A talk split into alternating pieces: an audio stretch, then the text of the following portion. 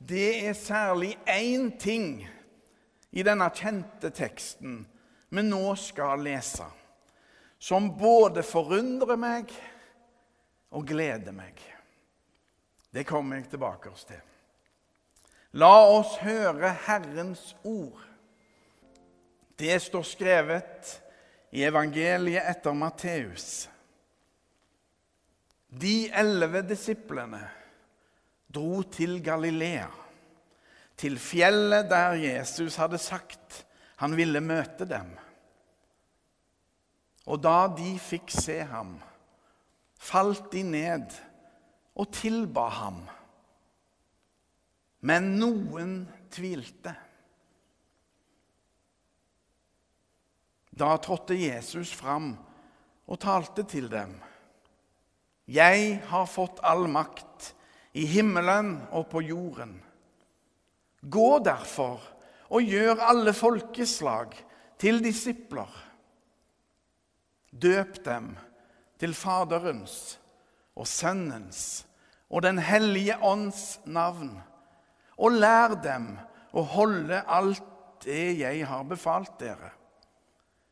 Og se, jeg er med dere alle dager inntil verdens ende.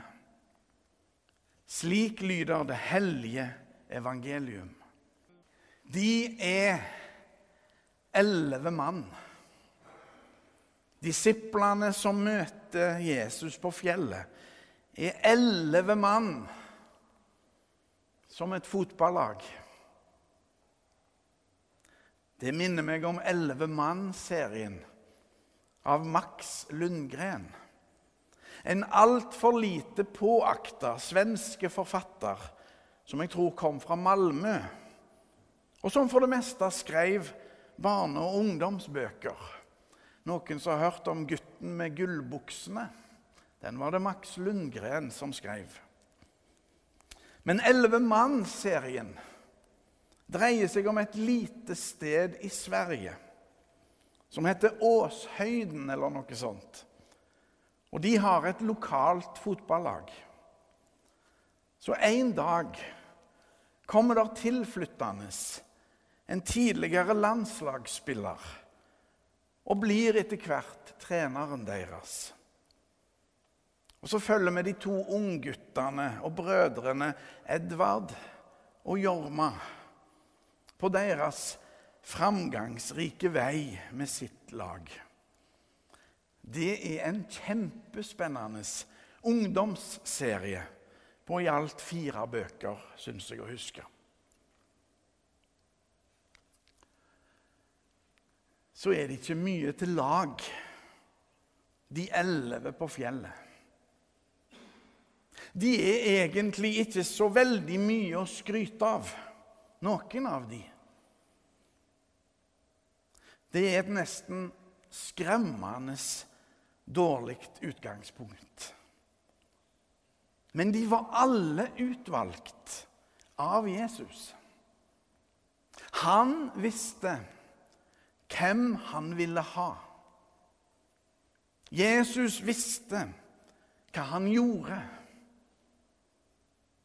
Så er det en liten bisetning som altså både forundrer og glede meg. Men noen tvilte.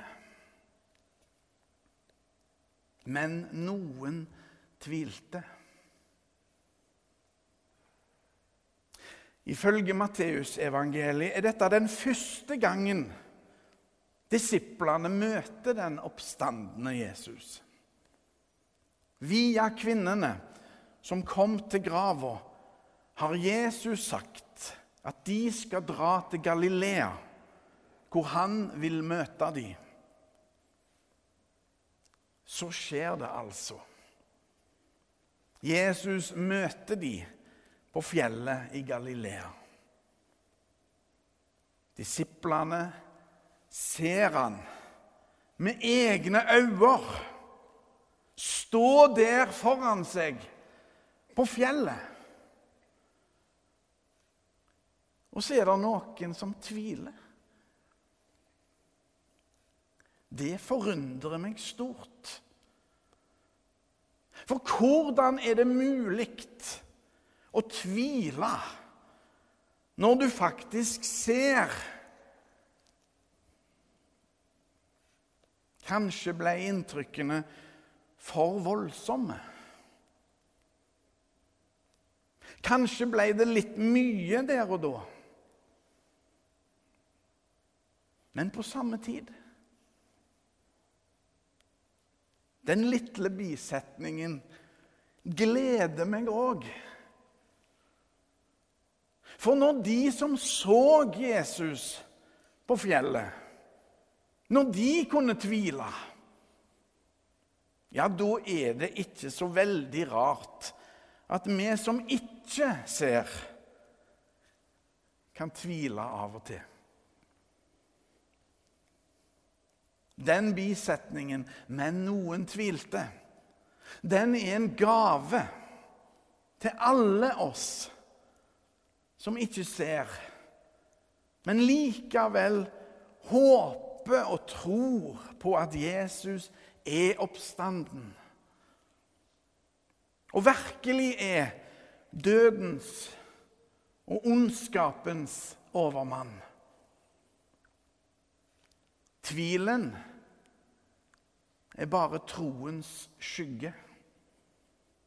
Og det skal han få lov til å være. Men noen tvilte.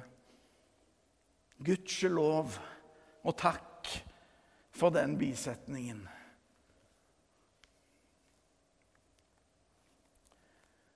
Selve beskjeden Jesus gir, leses hver gang vi feirer dåp her i kirka. Og Derfor kalles han òg for dåps- og misjonsbefalingen. Det er den siste beskjeden som gis av Jesus til sine venner. På onsdag var det 31. mai. Da var det på dagen 30 år siden jeg ble ordinert til prestetjeneste. Det skjedde hjemme i Førrekirka mandag andre pinsedag 1993. Så jeg er på mange måter en skikkelig mandagsprest. Og her har dere bildet fra begivenheten. Det har kun vært én en eneste presteordinasjon i den kirka inntil i dag òg.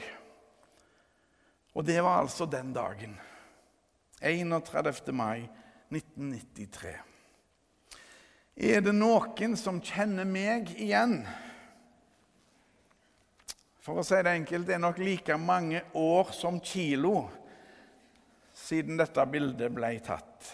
Kilo som år. 30 er tallet.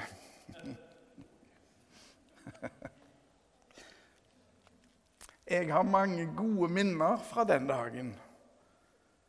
Men det er spesielt én ting jeg husker.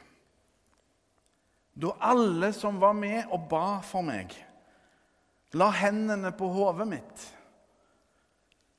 Da kjentes det veldig tungt. Det har jeg tenkt mye på i ettertid. Kanskje var det en påminnelse om viktigheten av dette oppdraget.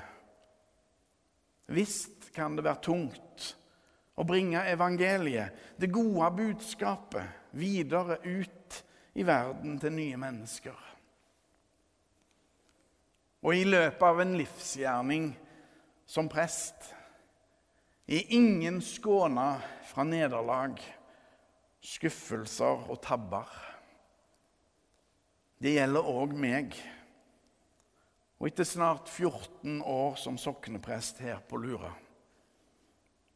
Vi er bare sårbare mennesker.